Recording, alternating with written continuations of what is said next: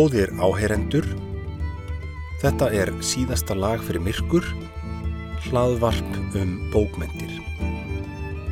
Ég heiti Hjaltisna Ræjesson og er umsjónamaður þáttarins. Á þessu sinni ætla ég að spjalla um skáldsjóna Í gullreppum eftir Bjarnar Harðarsson sem kom út árið 2018.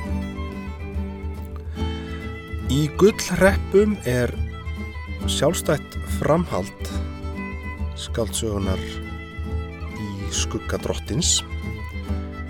Og um þá bók rætti ég í öðrum þætti. Og síðan kemur þriðja bókin sem heitir Síðustu dagar Skálholts. Þetta er sem sagt þríleikur hjá Bjarnar svona átjándu aldar þríleikur og það er Skálholt og sveitin þar í kring, bæirnir þar í kring sem eru sögursviða mestu leiti en leikurinn berst að vísu til Kaupmannhafnar og Danmörkur í þessari bók. En síðan gerðist það núna á þessu árið, þar sé árið 2021 að e, þetta var gefið út, sagt, allar þrjár bækurna voru gefnar út e, undir tillinum síðustu dagar Skálholts.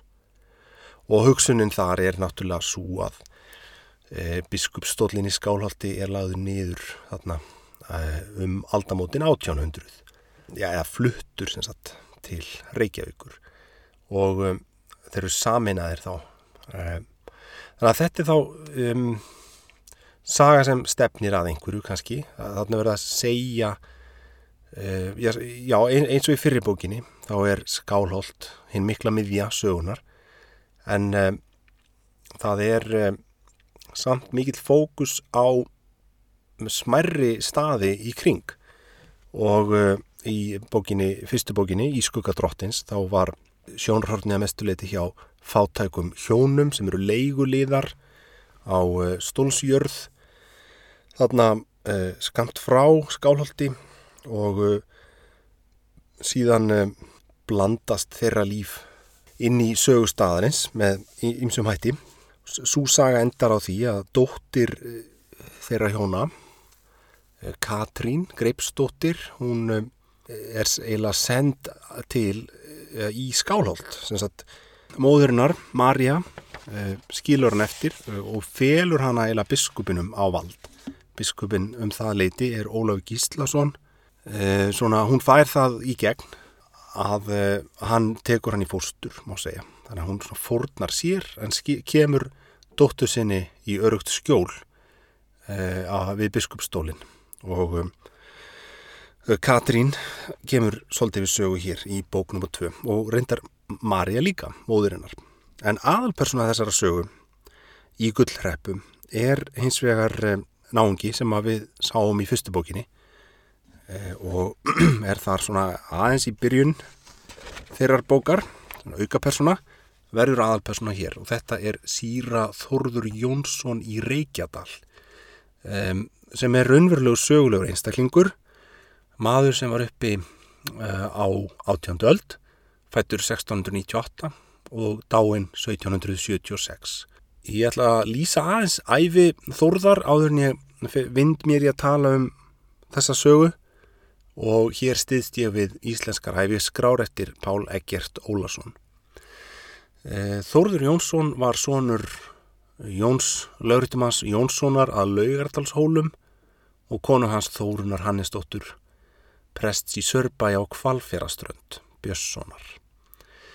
E, Þórður var tekin í Skálholtskóla 1710 og stúdent þaðan 1718. Hann átti deilur við sóknaprest sinn síra Ólaf Jónsson í Middal og varð fyrir sektum.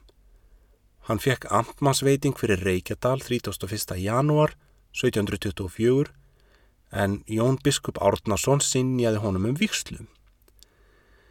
Þórður fór utan 1726, skráður í stúdentatölu í háskólanum í Kaupmannahöfn 16. oktober sama ár, tók Guðfræðapróf 22.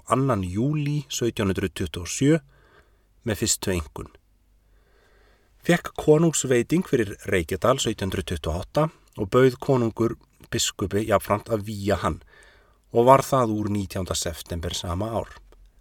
Komst síðan í málaferðli við sóknamenn sína og var dæmdur frá ennbætti af biskupi og nokkurum prestum en síknaður í hæstrætti 9. júli 1735 og hjælt hann síðan Reykjadal þótt misbrestir þættu á ráði hans.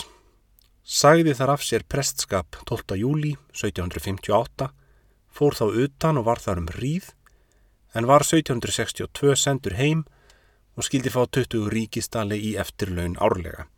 Fór þá í skálholt og andaðist þar, ókvæntur og barnlaus. Þorður var maður ekki ógáfaður nýja illa að sér, en sérvitur, einrætn og hrókafullur. Í skíslum Harbós er hann talin mjög minnisgóður, en algjörlega dómgreindarlaus. Eftir hann eru biblíuskýringar. Vera má að eftir hann sé þýring á sögunni Ammoratis ringur. Sagnir eru um hann.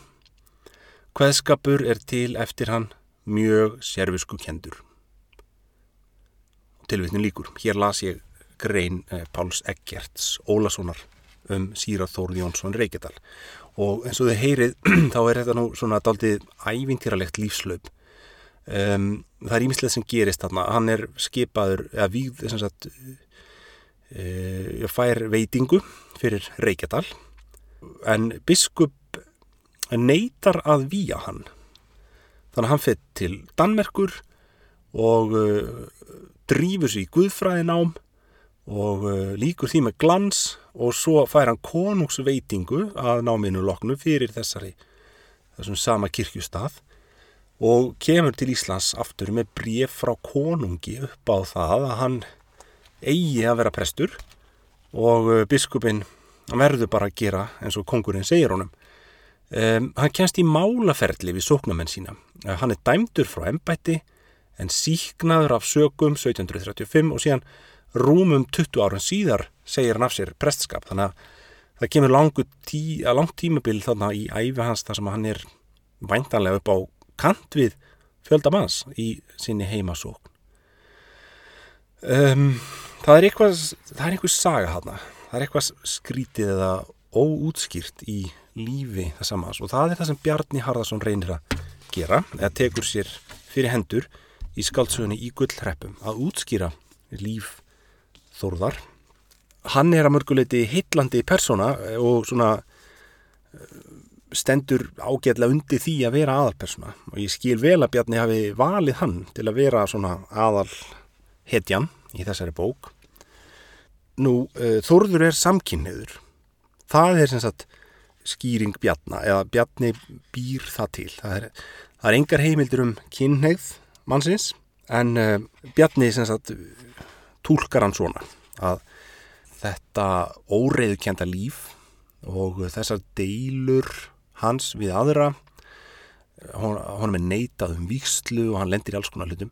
Þetta sé þá, eigi þá rót sína í því að hann var hommi og uh, samkynneið var svona að sjálfsögðu uh, það var ansi langt í land með að hún erði viðkend þannig að þetta er náttúrulega skemmtileg tilgáta hjá Bjarnar þetta er náttúrulega uppskriftin á sögunni. Hvað ef? Hvað ef Þórður Jónsson væri, hefði verið hommi? Myndi það útskýra eitthvað? Væri hægt að, að tólka þetta út frá því, myndi það opna einhverja dyr inn í hans æfisugu og þetta er náttúrulega svona sæmilega þekkt formúla, þar að segja við vitum alveg að samkynnið hefur sennilega alltaf verið til um, og hún er ekki viðkjönd fyrir bara mjög nýlega. Það er ekki, ég meina í Íslandsugunni þá er það bara ekki fyrir en ég síðustu 20 árum 20-30 árum kannski sem að þetta fyrir að vera svona í lægi að fólk sé samkynnið en það er ekki það með að þetta hafi bara verið nýtt. Það tók allar þessar aldir að einhvern veginn gera þetta þessi baróta er lung og ströng og um, það er eiginlega útilokað annað en að einhverjir af þeim þekktu einstaklingum sem við lesum um í sögubókunum hafi verið samkynneðir. Eh, stundum vitu við fyrir víst að, að svo að, að það var tilfellið og við hefum þá heimildir frá, frá viðkomandi sjálfum um það ástarbref til einstaklinga af sama kyni eða eitthvað þessotar en hitt er þó, þó algengara að, að fólk hafi bara ekki, já, hafi bara farið lengt með þetta. Það séu sem sagt ekki neinari teimildir til að byggja á. Það eru dæmi um, um einstaklinga sem eru svona ímislegt bendir til að hafi verið samkynniðir og ég veit satt að segja ekki hvernig Bjarni fekk þessa hugmynd. Hvort þetta vex út úr þorði sem, sem personu og hans æfistarfi eða hvort að hann ákveð fyrst ok, nú ætlum ég að taka eina personu úr Íslandsögunni og tólkana með þessa tilgáttu að það hafi verið samkynniður einstaklingur. Hvort að kemur alveg til greina. Sagan hefst í Kaupmannhöfn e, þegar Þórður Jónsson er þar e, kominn í nám Já, við erum komin þá á þann stað í hans æfi þar sem að honum hefur verið sinjað um Reykjadalinn og hann gerir eitthvað í sínum málum, hann fer semst til Kaupanafnar í nám. Hann er nú ekki svona mjög gæfulegur að sjá þarna í byrjun bókarnar, hann er alveg bláfátakur, kemst til hafnar bara fyrir náð og miskun einhverja skipverja sem að lefa honum að vera og hann er barinn sundur og saman skipverjum alla leiðina eða einhverjum mönnum sem að svona, vita eða það kvísast út að sagt, þetta, þessa, þetta með kynneigð hans. Mönnum þykir þetta fyrirlitlegt og, og full ástæði til þess að um, bara beita hann ofbeldi. Og hann er um, að staulast þarna um götur í byrjun bókarinnar og uh, kemur á stað sem að er kallað Sódóma og er allir líkitum uppfinning Bjarnar þetta á að vera svona eitthvað gistiheimili eða eitthvað svona klúpur fyrir þá homma í Kaupmannahöfn. Og uh, þarna fær hann uh, atkvarf og getur sofið um, nokkuð örgur og hann kynnist sem sagt manni þarna sem að heitir Jósef og er gýðingur Jósef af köldu og kalda, þetta er ég held að þetta væri kolding Uh, en ég held að satt að segja að þetta sé ekki það. Þetta er einhver staður. Ég er bara ég, er ekki, ég nægis ekki nóg vel en þetta er sem sagt uh, einhver komúna þarna fyrir utan Kaupmannhöfn sem umræðir uh, þessi maður býr þar, hann er gýðingur og hann er hommi líka. Hann er komin í klubin til að finna sér hjásvæfu hann finnur þórð þarna og verður strax mjög hrifin á hann vegna þess að Jósef er ekki mjög gefin fyrir unga drengi, hann vil hafa sína elskuga e, þroskaða karlmenn og Þórður er alls ekki ómyndarlegur. E, þannig að það verður úr að þeir taka upp samband. Og Þórður bara flýtur inn til þessa manns sem er vel efnaður enda e, starfar hann sem okkur lánari og býr í flottu húsi og það er alls konar skemmtilegt dót sem þeir leika sér með. Þetta er Þetta eru þá gripir sem einhverjir vesalningsdrykkjumenn hafa veðsett og fengið um, smá pening frá uh, Jósef. Uh, það tala sérstaklega um eigur um kvennföt og perlufestar og allskynns svona kvennlega gripi og þeir skemta sér við það, sem sagt, heil og halvu dagana við það að klæða sér í kjóla og, og eru bara, hafa það bara nokkuð gott. Þarna tekur við svona, þarna snýst alveg tabli við hjá Þúrði. Eh, hann er bara, já, fer frá því að vera þarna hættur og, og rakinn og yfir það að vera bara í eh, mjög góðu svona atlæti um, og að þetta er ekki vandræðilegust vegna að þeir eru náttúrulega ekki sömu trúar. Um, Þóruður er uh, lúterskur og er með að segja prestsefni og ætlar sér að verða prestur. Uh, þjóna hennum kristna guði. En Jósef aftur á móti er um, gýðingur og um, það kemur upp eftir svona nokkra sæluríka daga í þeirra sambandi, kemur upp þetta vandamál uh, sem er það að hérna, jó, hann er ekki sagt, umskorinn og um, Jósef uh, for, uh, leifir sér ekki að snerta lim þorðar af þessum sögum. Það er að hann er ekki umskorinn og hann, til þess að þeir geti fullnustað sitt ástasamband og náð algjörum svona líkamlegum samruna þá þarf þetta að gerast. Þetta, um, já, þetta er þá svona e, hingiðinglega regla sem að verður að ríkja þarna.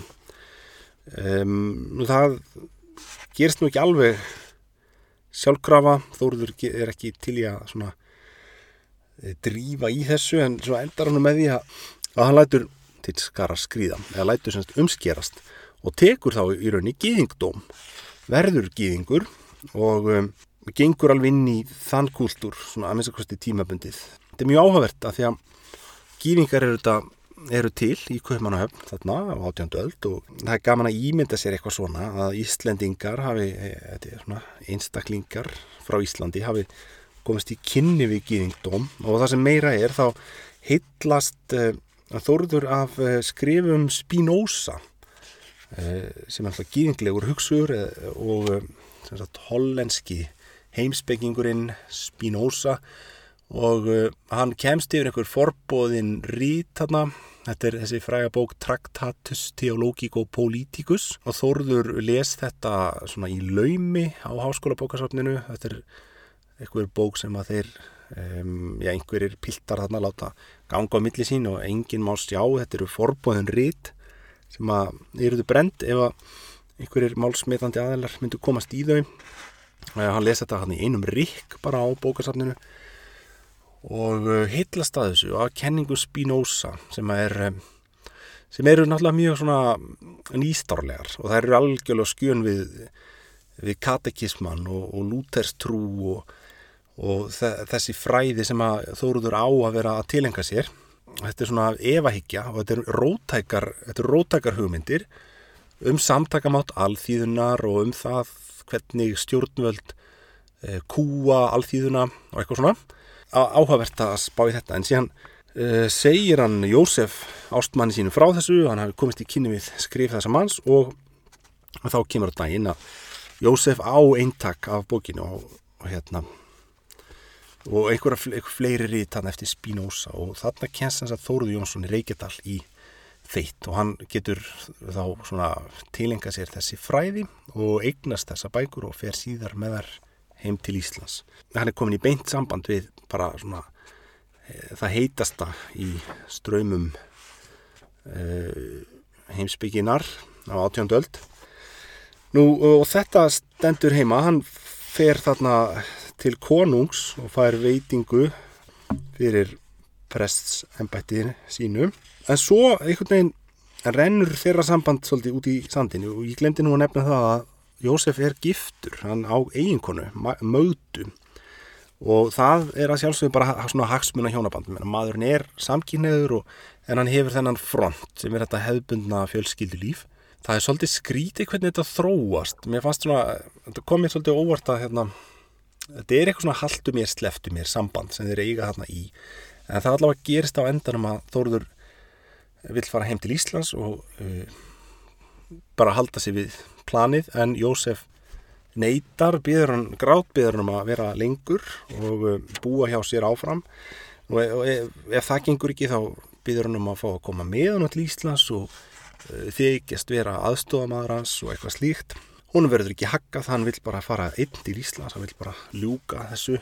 Eh, og svo endar þessi fyrsti kapli með því að Jósef dettur niður döður eh, hann er náttúrulega við aldur og hefur fengið slag sjálfsagt, eitthvað slíkt af þessum geðsræringum þarna. Deyr sagt, bara á hverju stund. Þúrður er að fara til skips þarna og þetta er svolítið svona dramatísk byrjun. Þetta er byrjunarkablin, þetta eru fyrsti hluti bókarinnar. Og þetta eru uh, alls sex hlutar. Mislangir náttúrulega. Um, en það byrjaði svona með kvelli svolítið. Og um, ég vennu að segja að mér fannst þetta eiginlega áhugaverðasti kaplinn, þessi byrjunarkapli þetta er óttalegt bull náttúrulega en það er svona gaman Bjarni er, að leika sér hann leifir sér að flaugra aðeins um og og svona setur hvað ef spurningar svolítið á ottin þarna. Bjarni hefur nú kannski ekki mikið kredit sko til að vera að stúdera samkynneið eða sögu, sögu samkynneira en jújú, jú, þetta er svona, það setur sig eitthvað inn í þetta og, og hérna. En það, mér, sko það er kannski fyrst í svona gallin við þessa bók er sá að samkynneið þorðar í Reykjadal er einhvern veginn bara svona fasti í bókinni, hún er ekkit, hún er ekkit krufin almennilega eða svona mentalitet hins samkynneiða einstaklings uh, lífsín hans uh, og það hvernig kynneiðin um, mótar hana. Þetta er svona svolítið yfirborskjönd fannst mér, mér fannst þetta maður hefur lesið svona meira sannfarandi lýsingar skulum við segja á slíkum. Uh, þetta er svolítið stereotýpur það er kannski rétta leginn til að orða nú það er engin í vafa um það að Bjarni er vel inn í sögu átjándaldar og hann er með fjölda manns hér sem eru ímist uppskáldaðar personur eða raunverulegir sögulegir einstaklingar sem hann náttúrulega mótar eftir sínu höfði og setur inn í söguna uh, bara eins og honum hendar og eins og hendar sögunni. Um, þannig að ég hugsa að það sé alveg hægt að trista svona megnina því sem hér kemur fram. En um, vandin er kannski sá að þetta er svo rosalega hlaðið og þetta er svo mikið af um, nöfnum og hérna og svona sérstökum um, útúrdúrum kannski. En það er samt uh, æfisað þorðar sjálfs og æfi hans er rammin utanum söguna. Og út úr þeim ramma er, er teknir svona, uh, já, semst, raktir einhverju þræðir. Og sagan endanum á því hann deyr. Þannig að þetta er æfisögu formið er bara, er bara regla í þessari bók hinn æfisögulega frásögn. Í öðrum hluta eh, kemur Þóruður til Íslands og uh, hann fær Reykjadal, byrjar þar búskap og fær til sín svona aðstofafólk þarna.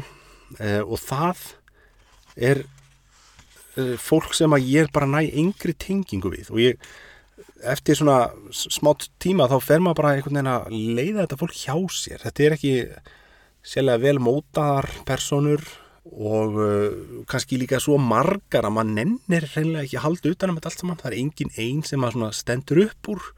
Hann er að, þetta er svolítið svona voðalega mikið fjás sem ég, ég fór svolítið að hunda á aði yfir þennan gabla, en svo í þriðja hluta gerist það að þá víkur sögunni aftur að uh, Katrínu Greipsdóttur sem við að, fengum að sjá þarna í fyrstu bókinni.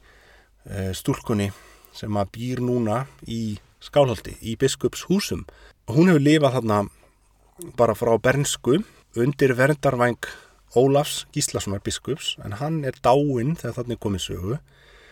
Og Katrín er e, að fermast, hún er, er fermt og er hægt að vera barn. Hún er komin á fullorins ár eða að hefja fullorins árin.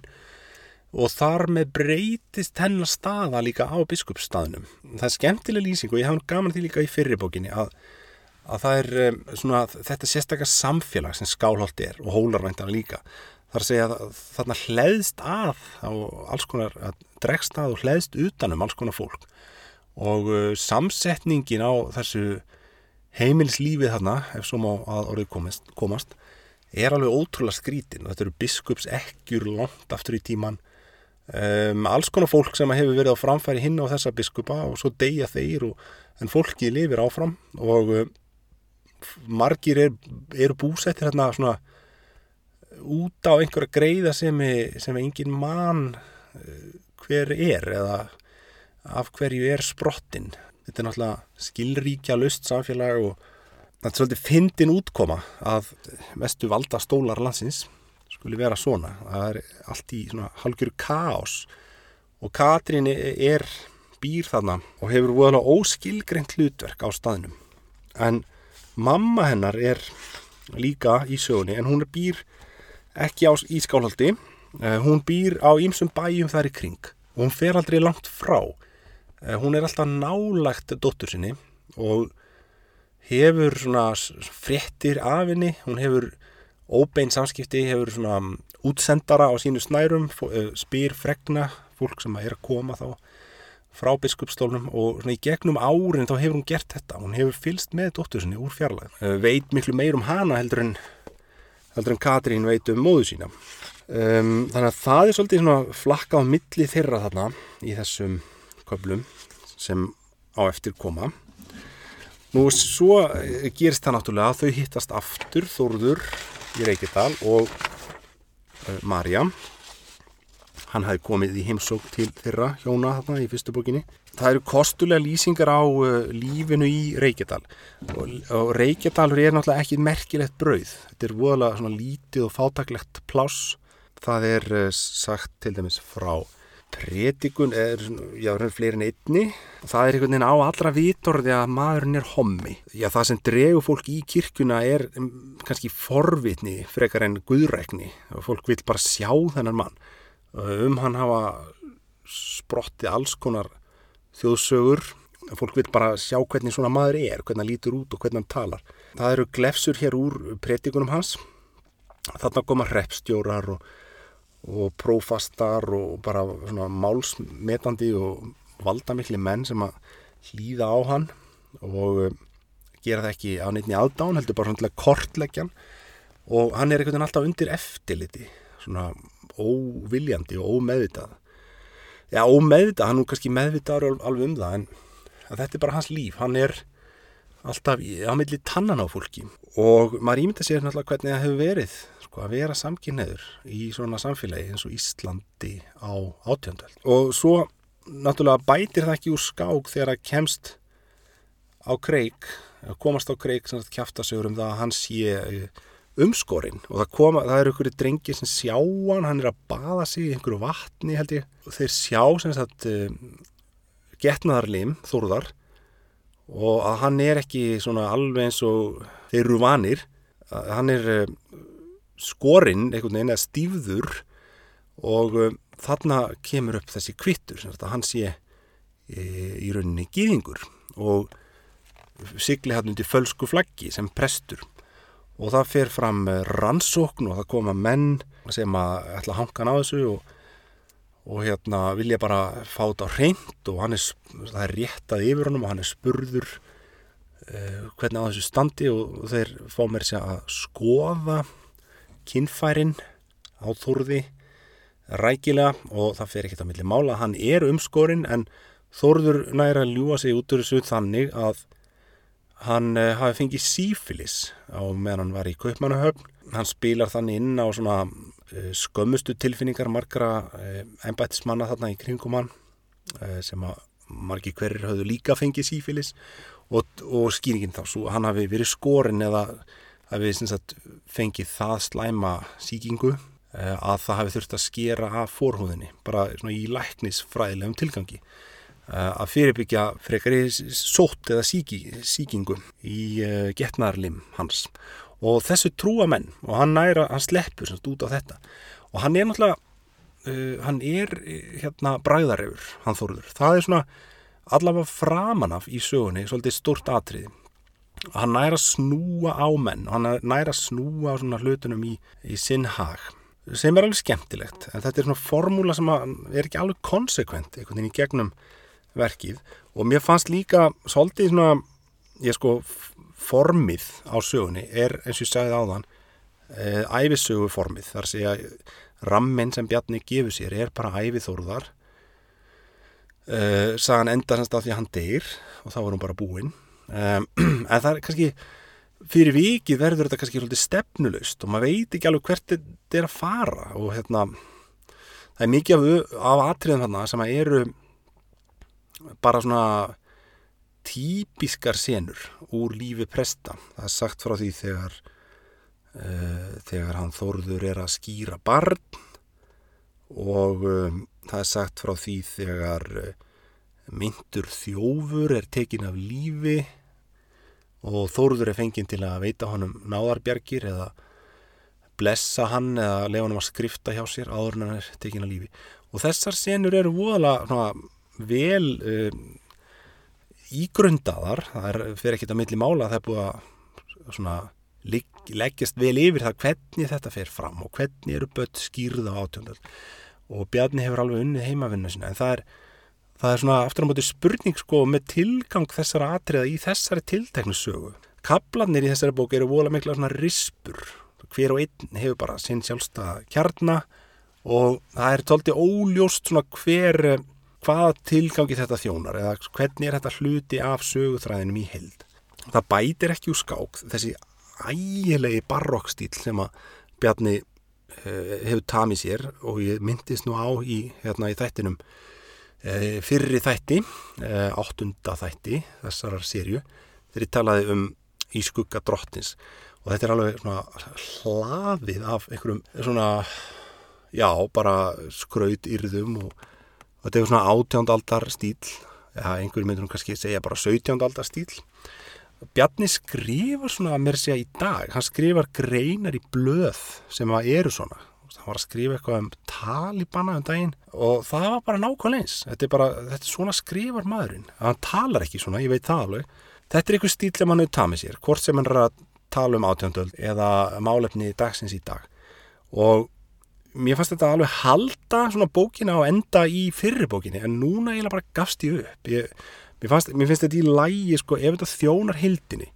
Og það er tilfellið að fyrri bókinni er bara betri hild. Hún er hildstæðari, hún er einhvern veginn hugsuð, um, já, hún hefur svona betri þráð, kannski og þegar þráðurinn er ekki til staðar en maður fyrir að efast um að þetta hafi einhverja stefnu þá bara gerst maður upp á þessum stíl það var umskustið það sem ég gerði það eru, það eru kaplar hérna sem ég bara, sem ég bara fletti í gegn sko. mér finnst þetta einhvern veginn svo leiðilegt um, þetta eru svona svolítil vonbreiði ég, mér finnst Bjarnar fatast flugið hérna í bóknum við tvö og um, það eru vonbreiði vegna þess að Þórður er áhafverður náðungi. Þa, það er náttúrulega kannski út af fyrir sig, það sem gerir bókina þess að verða að lesa er að, að fræðast um hann og sjá hvernig Bjarni tekur á honum. En eins og ég segi, þetta er ómarkvist ákálega.